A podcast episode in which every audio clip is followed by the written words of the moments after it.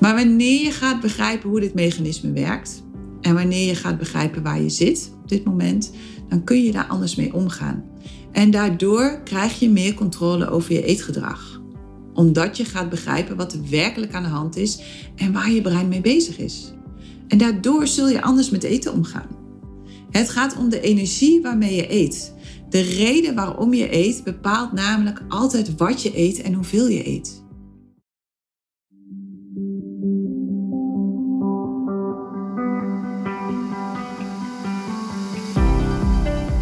Welkom bij de Eetgeluk Podcast met Eetgeluk-expert Carola van Bemmelen, waarin je leert hoe je weer een relaxte relatie kunt creëren met eten. Door middel van het managen van je oerbrein en het kiezen van me first. Zodat je voorgoed gaat stoppen met snoepen, snaaien, overeten en diëten en weer trots bent op jezelf.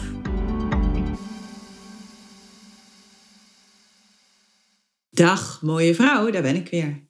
En om maar gelijk met de deur in huis te vallen, vandaag wil ik het met je hebben over de zelfsabotage fix. En de zelfsabotage fix is iets dat ik leer aan alle studenten in de Eetgeluk Universiteit. Het is een ontzettend belangrijk onderdeel van de Eetgeluk methode. Want de zelfsabotagefix die helpt je om jouw zelfsabotage in je voordeel te gaan gebruiken. Vaak zijn we heel erg bang dat dingen verkeerd gaan en daardoor gaan ze juist verkeerd. Maar wanneer je voorziet dat het verkeerd gaat, is dat helemaal niet erg. Omdat je weet hoe je ermee kunt omgaan en omdat je juist al die keren dat je jezelf saboteert, kunt gaan gebruiken om je te helpen om jezelf steeds beter te leren kennen zodat je jezelf kunt gaan geven wat je werkelijk nodig hebt. Dat is in de kern waar de zelfsabotagefix over gaat. Goed, voordat we daar uitgebreid op ingaan, wil ik je eerst vragen of je al een review hebt achtergelaten. En ik blijf dit doen, ook al is het misschien heel irritant, omdat jouw review, ook jouw review, helpt om steeds meer vrouwen te bereiken met de podcast. Dus als je het nog niet hebt gedaan, doe het dan straks gelijk even alsjeblieft op het platform waarop je luistert. Ik blij en een heleboel andere vrouwen ook, denk ik.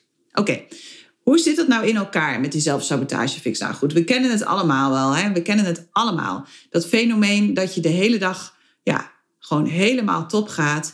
En dat het op een gegeven moment op een andere dag in een soort van moeras lijkt te komen. Waarin je alles even los en vast zit. En het je gewoon niet lukt om jezelf bij de arm te pakken en te stoppen. Hè? Die dagen hebben we allemaal.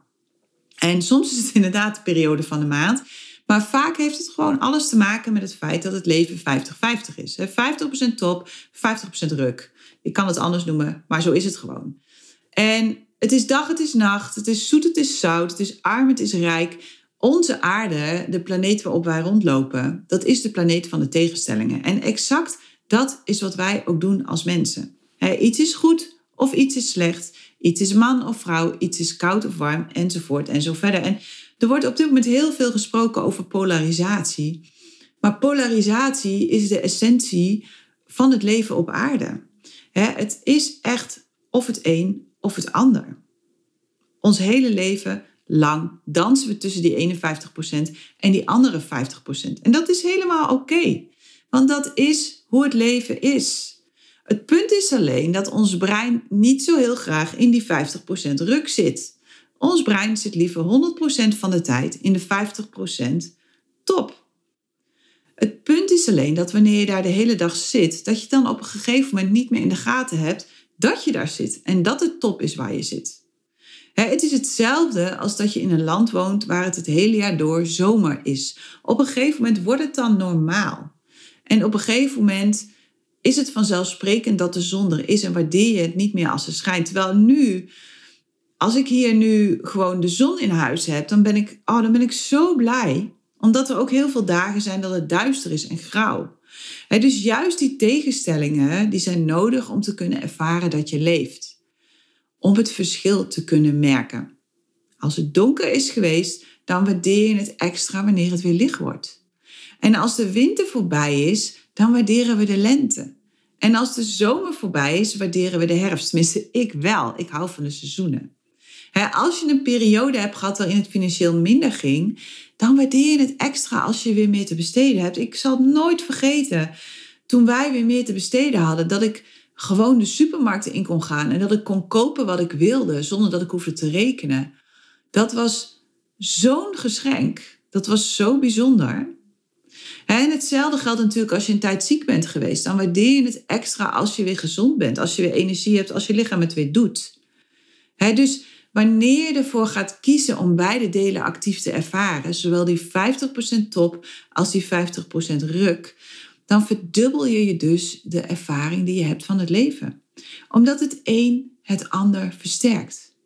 Maar wanneer je alleen maar de 50% top wilt ervaren en de andere 50% verdooft door te gaan eten of door jezelf af te leiden, dan zal die 50% top steeds vlakker worden. En dat is exact wat we nu zien gebeuren in de wereld. We hebben steeds extremere dingen nodig om ons nog normaal te kunnen voelen. En dat komt omdat we uit alle macht proberen om vervelende gevoelens te verdoven. En ik wil je daarom iets anders aanbieden. Ik wil je leren hoe je kunt omgaan met beide 50% delen. Met het topdeel, maar vooral ook met het deel dat je nu liever uit de weg gaat. Met de twee seizoenen die in jouw leven en die door je brein worden bestuurd. Want je zult momenten hebben dat je on top of the world bent en dat alles lekker loopt. En je zult momenten hebben dat je niet vooruit te branden bent. Dat blijft. En het zijn met name die low energy dagen dat eten extra aantrekkelijk lijkt. Dat je brein tegen je zegt, joh, eet maar wat, dan voel je je beter en dan heb je wat extra energie.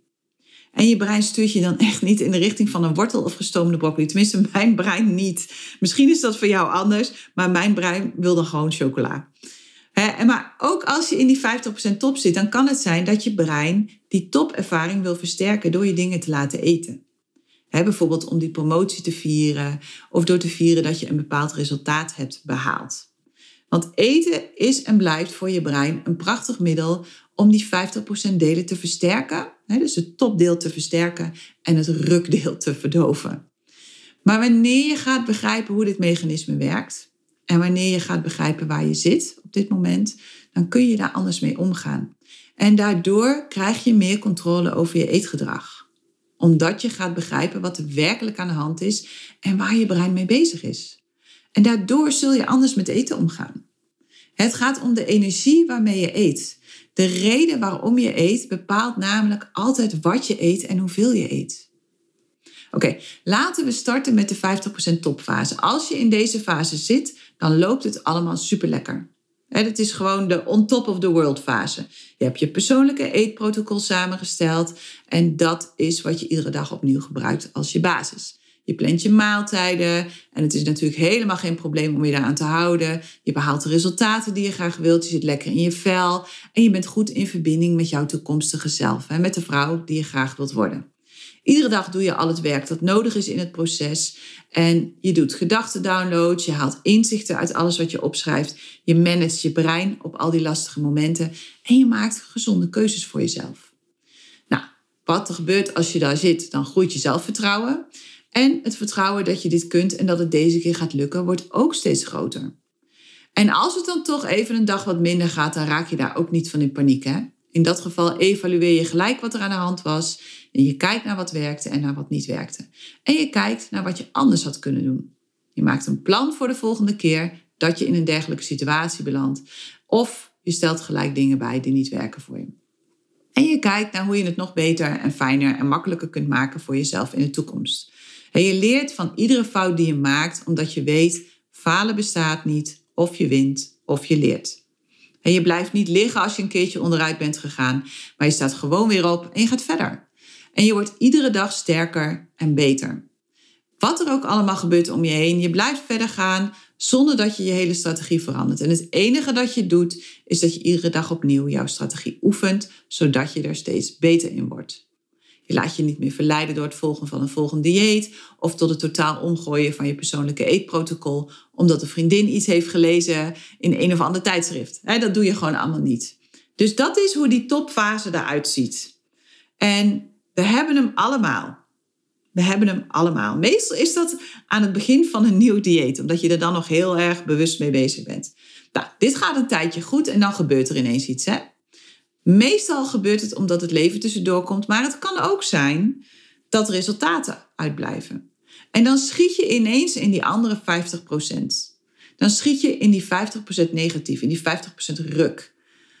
En ja, dat begint vaak op het moment dat het niet meer helemaal gaat zoals je wil. Hè? Wanneer de resultaten uitblijven of wanneer je in het begin enorm veel resultaten hebt gehad en ineens op een plateau terechtkomt, dat er niks meer gebeurt en dat je week na week de weegschaal niet meer ziet bewegen. Of als je geen verschil meer merkt in je gezondheid of in je energie of in je kledingmaat. En vervolgens bedenk je dat het komt omdat je de dingen niet goed doet. Of omdat je de verkeerde dingen doet. Of omdat je dingen doet die je beter niet kunt doen je bedenkt dat je misschien toch nog te veel koolhydraten eet, of te veel suiker, of te veel tussendoortjes, of juist te weinig van dat alles. Of dat je misschien toch maar terug moet naar twee keer eten per dag, of dat je meer moet gaan bewegen, of meer moet gaan drinken, of eerder moet gaan slapen. En vervolgens laat je je eetprotocol los en ga je googlen wat er aan de hand zou kunnen zijn. En voordat je het weet, heb je het volgende dieetboek weer in de brievenbus liggen. Bol.com is blij met ons. Je leest het boek en je gaat aan de slag met alle tips die in het boek staan. Ook al staan ze haaks op je huidige eetprotocol, het maakt niet uit. Dit boek, dat is de weg. Dit boek gaat je redden. En dat is wat heel veel vrouwen en misschien ook wel mannen doen. Ik weet niet hoe mannen tikken, ik weet alleen hoe vrouwen tikken. En we proberen de strategie te veranderen in de hoop dat we daardoor een ander resultaat krijgen. Maar de strategie, dat wat je doet, is een van de laatste dingen in het creatieproces. we denken, we voelen en we doen. En de strategie werkt het beste op de lange termijn, nooit op de korte termijn. Korte termijn acties is geen strategie. Korte termijn acties zijn paniekvoetbal. Het zijn acties die je nu doet omdat je je nu niet goed voelt. Omdat je brein zegt, dit gaat niet werken. En vaak komt dat omdat je gefocust bent op het resultaat. Op het getal op de weegschaal. In plaats van op het proces en op het doen van de dingen die nodig zijn om de vrouw te worden die je wilt zijn. En wanneer je op weg gaat naar die relaxte relatie met eten, dan is dat een proces dat begint in jou. Het begint eerst en vooral met bewustwording. Van wat je denkt, van wat je eet, van waarom je eet, van hoe je denkt over eten, van hoe je denkt over jezelf, hoe je denkt over je eetgedrag. Dat soort dingen. Van wie je nu bent en vooral ook van wie je wilt worden.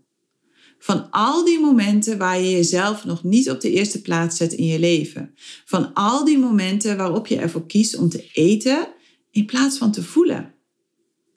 Want je hebt geen overeetprobleem, je hebt een ondervoelprobleem. En van het bewust worden van al je onbewuste acties en handelingen, dat is waar het over gaat. En vaak zie je daarbij niet gelijk van alles aan de buitenkant. je werkt van binnen naar buiten in plaats van dat je van buiten naar binnen werkt. Zoals je altijd geleerd hebt bij alle diëten die je ooit hebt gevolgd. En dat betekent dat juist die 50% ruk eigenlijk veel belangrijker is in het proces dan de 50% top. Maar van de 50% topfase kun je wel weer heel veel leren dat je kunt gebruiken om sneller uit die 50% ruk te komen waardoor je jezelf wilt gaan saboteren. En dat is wat ik de zelfsabotagefix noem. En dat is wat je ook leert in de Eetgeluk Universiteit. Het gaat erom dat je gaat leren om oké te zijn met niet oké zijn. Om je comfortabel te voelen met niet comfortabel zijn. Dat je uiteindelijk juist dat soort situaties gaat opzoeken, omdat je weet dat je daar het meeste van kunt leren tot nu toe heb je al die vervelende gevoelens geprobeerd te verdoven door te gaan eten of door jezelf af te leiden of door ze te vermijden. Maar in de zelfsabotagefix nodig ik je uit om ze te omarmen. Om ze te verwelkomen en om ze juist te gaan zien als je beste leermeester. om die 50% ruk te gaan gebruiken om de 50% top nog beter te maken. Iedere keer als jij in die 50% ruk zit, zal je brein zeggen dat het je nooit gaat lukken. Dat het niets voor jou is. Dat je beter kunt stoppen. En dat je je beter kunt focussen op een andere methode. Dat je vastzit. Met als gevolg dat je brein de hele tijd op zoek is naar de beste methode. Naar een methode die sneller resultaten belooft. En naar een methode die minder moeite kost. Maar het punt is dat de tijd die je nodig hebt voor iedereen anders is. En dat wat werkt voor iemand anders niet automatisch hoeft te werken voor jou. Er is dus geen beste methode en er is ook geen exact tijdframe voor het bereiken van jouw doelen. Het enige dat er is, is de beste methode voor jou en die kun je alleen maar ontdekken door te blijven oefenen. En door jouw persoonlijke eetprotocol steeds verder aan te scherpen op basis van wat je leert dat werkt en dat niet werkt. En het punt ook met het constant beginnen met een nieuwe methode is dat je brein in het begin dat heel interessant vindt. bij ieder nieuw dieet dat je volgt, start je in een soort van honeymoonfase. Alles is nieuw, alles is spannend. En de belofte van het dieet, namelijk dat je in twee weken 10 kilo af gaat vallen en daarna uh, on top of the world bent, geeft je een enorme dopaminekick in je brein. Maar welk nieuw dieet je ook start, voor alle diëten geldt hetzelfde. Ze werken in het begin zo ontzettend goed, omdat je in de eerste twee weken heel fanatiek met een nieuwe methode bezig bent. En daardoor behaal je gelijk al resultaten en daardoor denk je dat dit het is. Maar dat is helemaal niet het geval. Het enige dat gebeurt is dat je heel bewust met je eten bezig bent en daardoor werkt het. En zodra je gewend bent aan het nieuwe programma, denkt je brein, nou, dat weten we dan ook wel weer. Nu kunnen we wel weer over naar de orde van de dag. Ik snap nu wel waar het over gaat, dit kan ik wel. Met als gevolg dat in week drie of misschien week vier de oude gewoonten weer langzaam naar binnen sluipen en in week vier of in week vijf al het resultaat dat je hebt behaald met het programma alweer is verdwenen. En dan begint hetzelfde rondje weer opnieuw. Je brein zegt dat het niet werkt, dat het nooit gaat lukken. Je zoekt de volgende zilverbullet en je begint weer aan een nieuw plan. En wat je daarmee doet, is dat je nooit goed wordt in één ding. Maar ook dat je nooit je eigen lichaam en de behoeften van je lichaam leert kennen. in plaats van echt leren en ontdekken wat werkt voor jou, spring je van het ene dieet naar het volgende. Je volgt de impulsen van je oerbrein in plaats van dat je zelf de leiding neemt. En daardoor word je een eeuwige jojoer. En de enige manier om deze spiraal te doorbreken is door er heel bewust voor te gaan kiezen dat je je vanaf nu gaat houden aan je eetprotocol. Dat je iedere dag opnieuw heel bewust die dingen gaat doen die werken voor jou. En dat weet je. Jij weet wat werkt voor jou. Je hebt genoeg dingen uitgetest, je hebt genoeg dingen uitgeprobeerd. Jij weet wat wel en wat niet werkt voor jou. Jij weet wat wel en wat niet past bij jou. Dat is wat ik wil. Neem alles wat je weet, neem alle ervaring die je hebt, maak vanuit daar een eetprotocol en verklaar dit heilig voor jezelf. je hebt jouw persoonlijke eetprotocol heel bewust opgesteld voor jezelf. Je hebt een doel met jouw eetprotocol.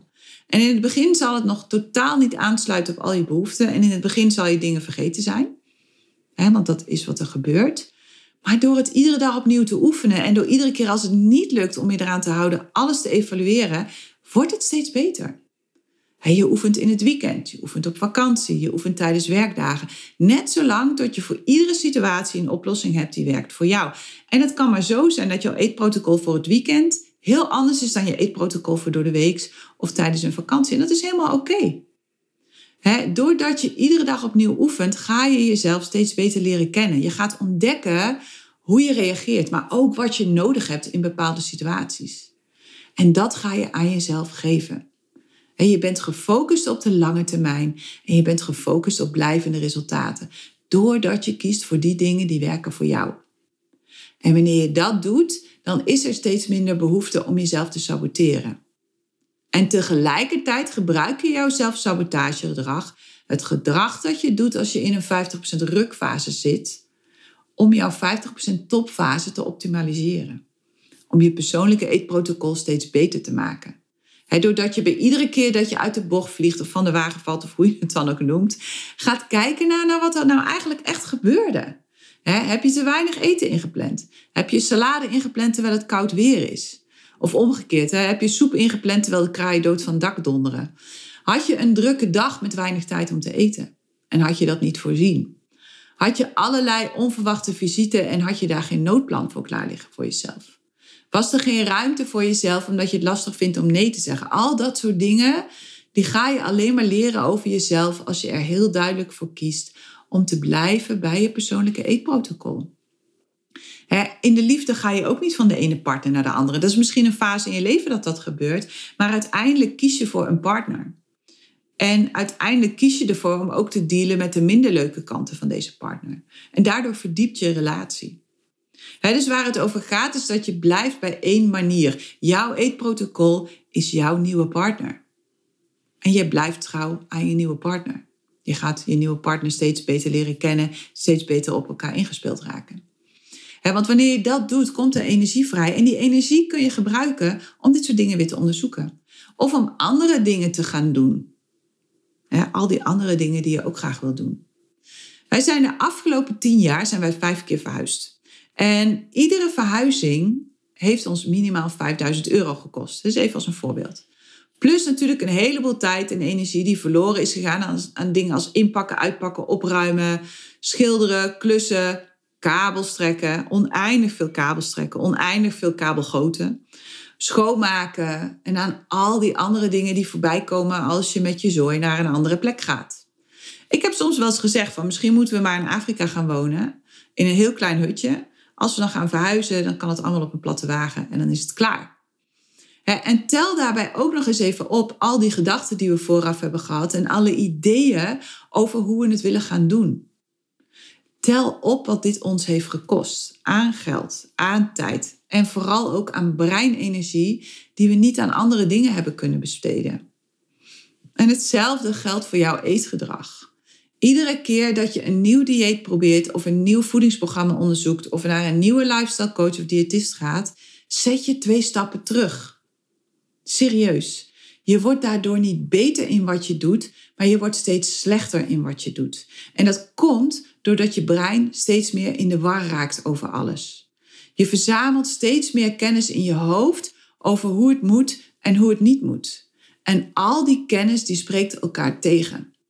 De een zegt dat je tussendoortjes moet nemen, de ander juist niet. De volgende zegt dat je fruit beter na de maaltijd kunt nemen. En weer een volgende zegt nee, fruit juist op een lege maag.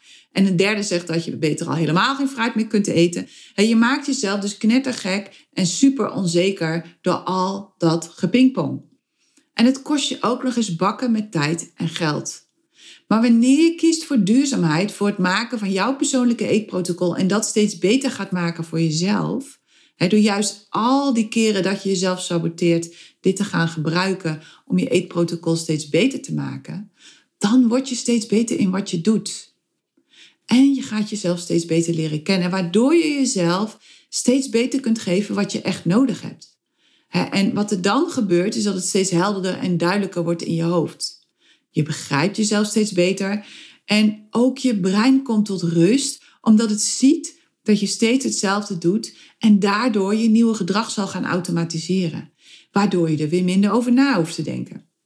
En daardoor komt er steeds meer tijd en energie vrij voor andere dingen, voor al die dingen die je graag wilde doen. En voor al die dingen die ervoor zorgen dat de tweede helft van je leven jouw beste helft wordt. Want de tweede helft, en je weet het, ik heb het vaker gezegd, dat is waar het voor ons vrouwen gebeurt. Daar ligt ons goud.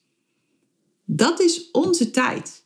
En hoe jammer is het als je in die tweede helft iedere dag nog steeds het grootste deel van de dag bezig bent met eten. Dat is toch jammer? Maar door het op deze manier aan te pakken, ga je het voor jezelf veranderen en wordt het voor jezelf steeds fijner. Oké? Denk er eens over na en ik uh, spreek je volgende week weer. Tot dan.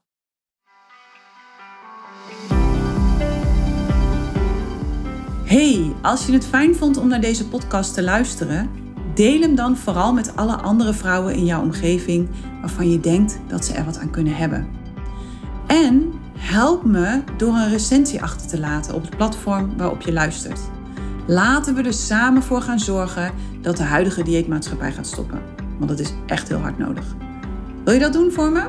Ik reken op je.